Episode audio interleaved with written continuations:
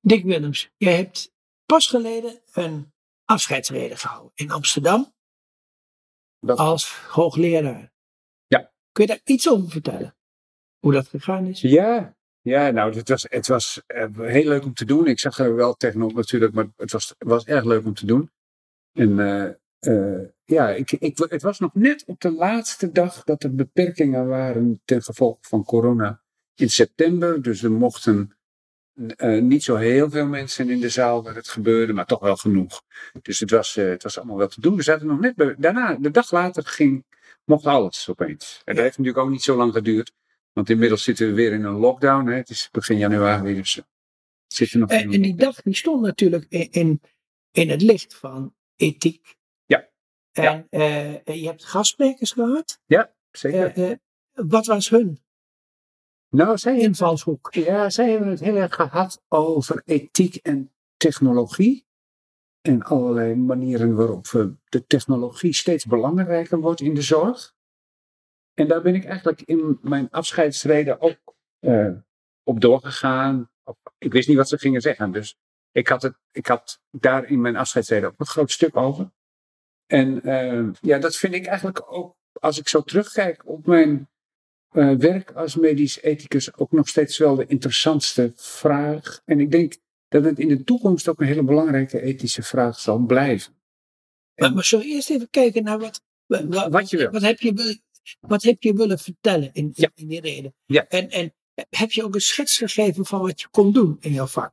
Ja hoor, ja, we hebben, ik heb natuurlijk wel, eh, wel verteld over het, het soort onderzoek wat we gedaan hebben. Want ik denk een van de belangrijke dingen die, die in die tijd dat ik dat heb gedaan, dat, dat werken, eh, een van de belangrijke dingen is dat we in de medische ethiek zelf ook steeds meer onderzoek zijn gaan doen. Hè? Dus wetenschappelijk onderzoek naar hoe mensen met ethische problemen, zoals noem maar wat, eh, eh, beslissingen aan het einde van het leven, om wel of niet door te gaan met behandeling.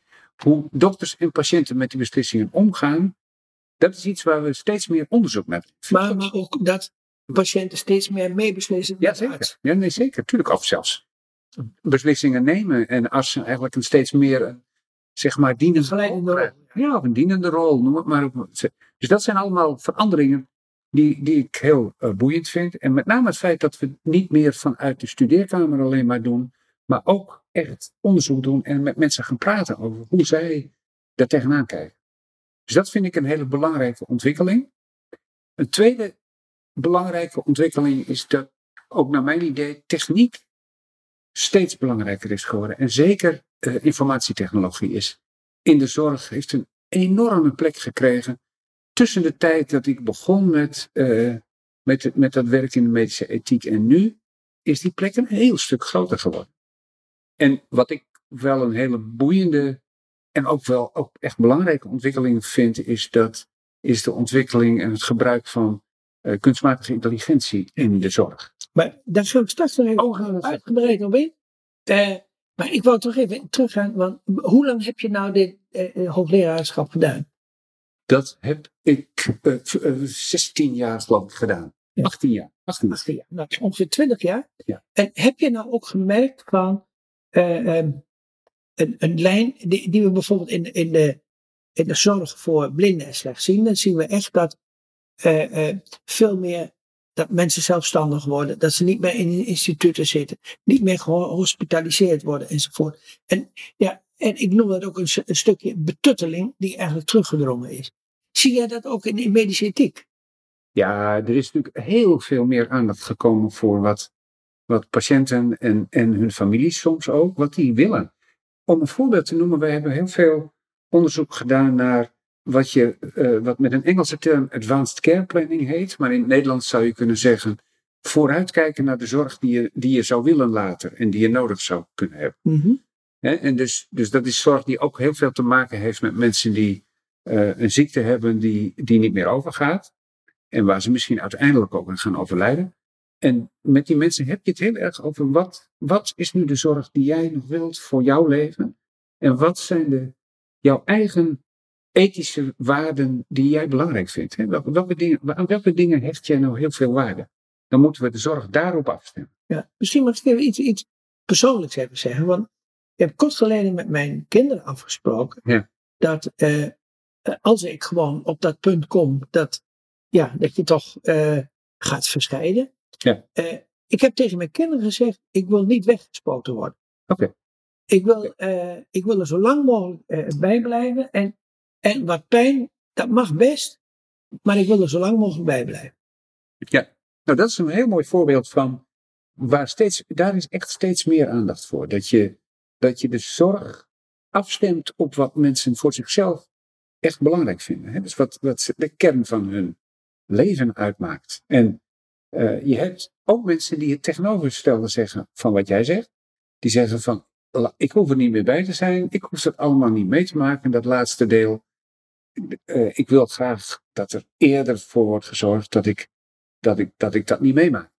En ook met dat soort, met dat soort nou, vaak hele fundamentele wensen van mensen, daar houden we, hoop, denk ik, langzamerhand steeds meer rekening mee.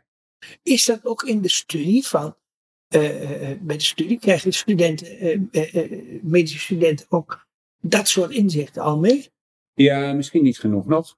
Want je, dat, dat is altijd, wat, je ziet altijd dat dat soort inzichten langzamer, langzaam doorcijpelt in het onderwijs.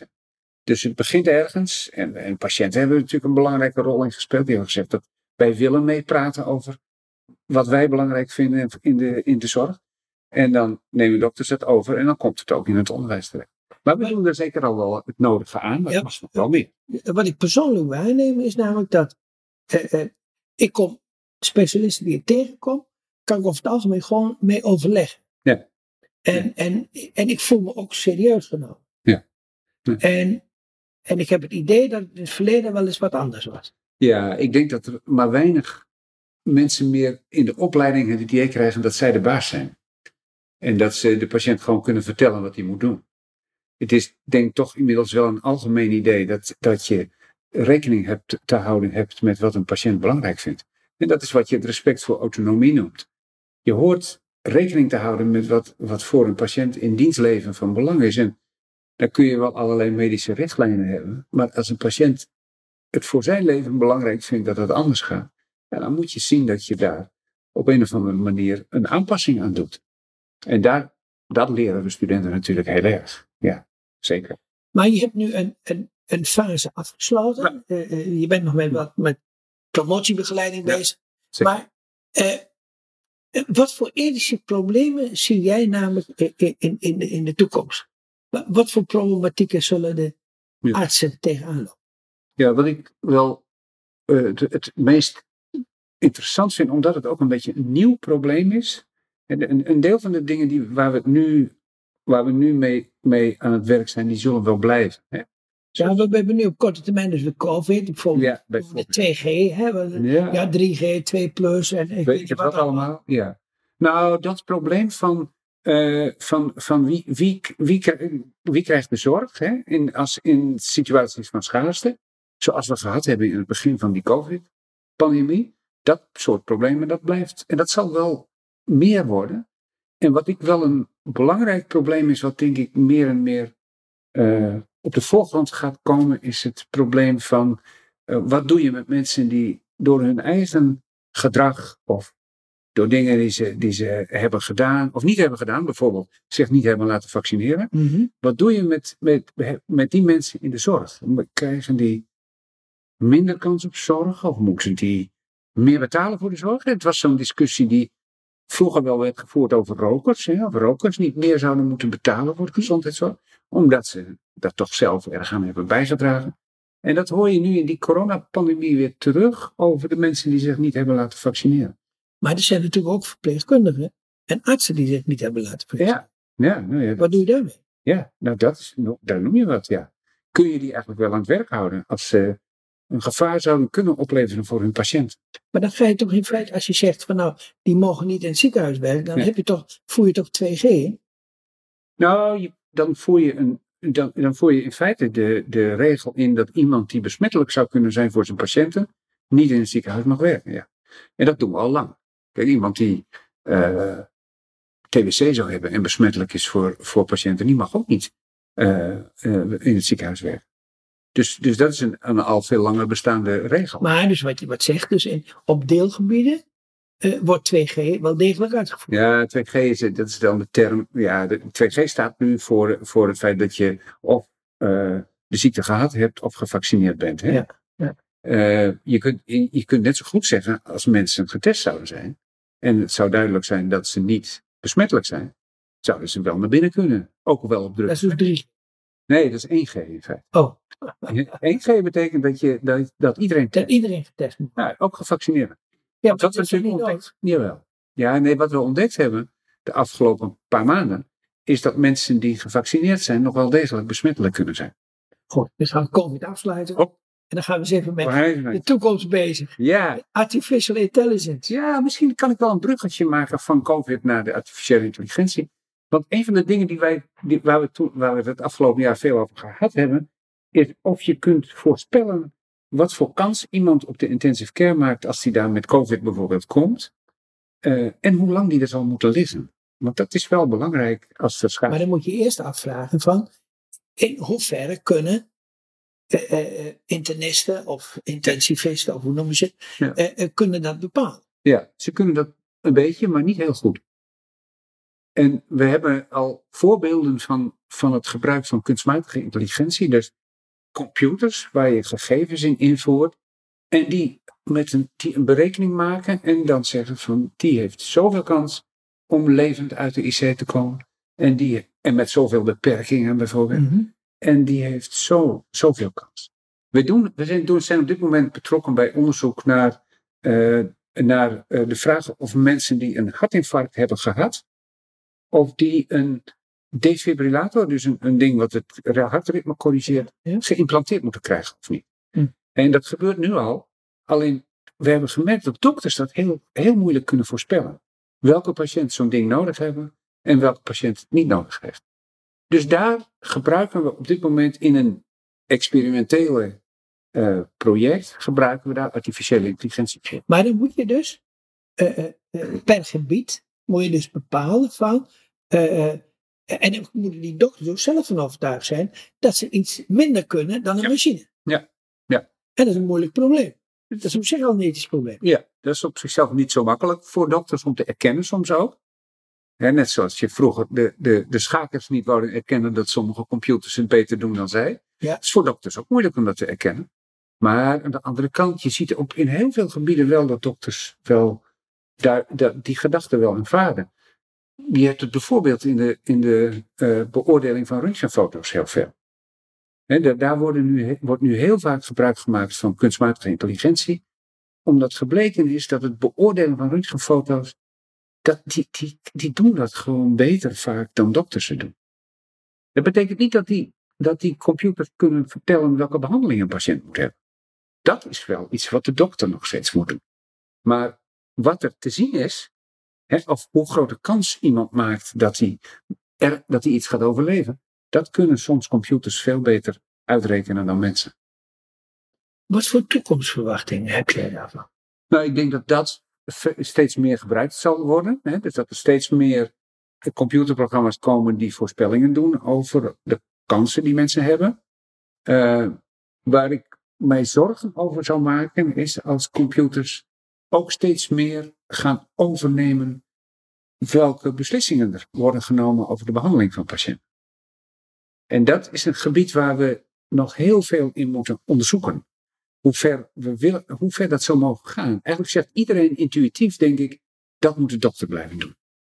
En die computer die kan allerlei gegevens aanleveren, maar de dokter moet, en de patiënt samen, de dokter en de patiënt samen, moeten besluiten wat er gebeurt. Ik kan me bijvoorbeeld voorstellen bij hele co- gecompliceerde eh, oogoperaties Ja. dat, een, eh, eh, dat een computer beter kan beslissen welk puntje hij wel iets moet doen en wat niet. Ja, ja, ja zeker. Zeker. En, en de vraag blijft dan, wordt dan straks, gaat het dan ook zoals de computer zegt dat dat moet? Of gaat, heeft de dokter daar ook, en de patiënt daar ook nog iets over Maar er is altijd iemand die het geprogrammeerd heeft Ja. en eh, die uiteindelijk de, eh, eh, de hoe heet dat ook weer? De, de- De verantwoordelijkheid heeft? nou ja, die in ieder geval de instructies heeft gegeven van Ja, maar hoe bij wat en dingen moeten ge- gebeuren. Ja, dat was vroeger. Maar dat is niet meer zo. Er is wel- nu wel iemand die dat ding programmeert, die computer. Maar op een gegeven moment gaat hij zelf leren. En dat, dat is iets wat we niet meer kunnen voorspellen. Nee, dan weten we niet meer wat hij zichzelf in de toekomst gaat leren. Dus dat is het gebied van wat ze dan machine learning noemen, dus lerende machines. En die leren nieuwe dingen. En ook degene die het heeft geprogrammeerd weet niet wat die computer gaat Van leren. de andere kant zul je toch in die computer een bepaalde bandbreedtes moeten aangeven. Eh, eh, waar liggen de uiterste grenzen? Ja. Waar, eh, waar mag je niet overheen gaan? Zeker, zeker. En dat, dat is iets wat wij, wat Ja, de- het, mensen het, moeten blijven doen, maar dat kun je de computers ook zelf leren. ja, het wordt ook bij, bij in, in de auto-industrie wordt er ook, ook gekeken hè, van nou, dat, dat een, een, een, een, een auto die kan eventueel uitwijken op, op een zebrapad. Moet hij nou die oude vrouw pakken of een kind? Ja, dat zijn van die dilemma's die worden. Ja. Dus, maar daar, dat is weer een andere vraag. Kun je computers ook leren om ethische problemen op te lossen? En ethische keuzes te maken? Wat denk je zo? Nou, ik verwacht dat niet zo gauw.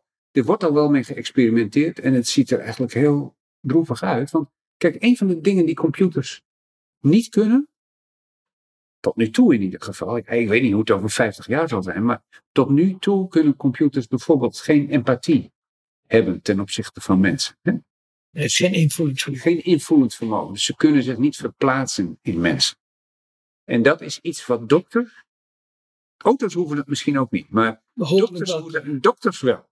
Hè, die, die horen zich in patiënten te kunnen verplaatsen en te snappen waarom een patiënt soms misschien moeite heeft met het volgen van een behandelingsregime of waarin, waarom die bepaalde dingen wel wil en andere niet. En dat kan een computer niet. En ik, ik, ik- de kans is, als ik het zou, ik zou niet ook willen dat een computer dat ooit kan. Oftewel, jij denkt namelijk dat jij het niet meer zult meemaken. Ik zal het zeker niet meemaken. En ik denk dat ze het ook niet gaan leren. En daarbij sluit ik af. En hartelijk dank.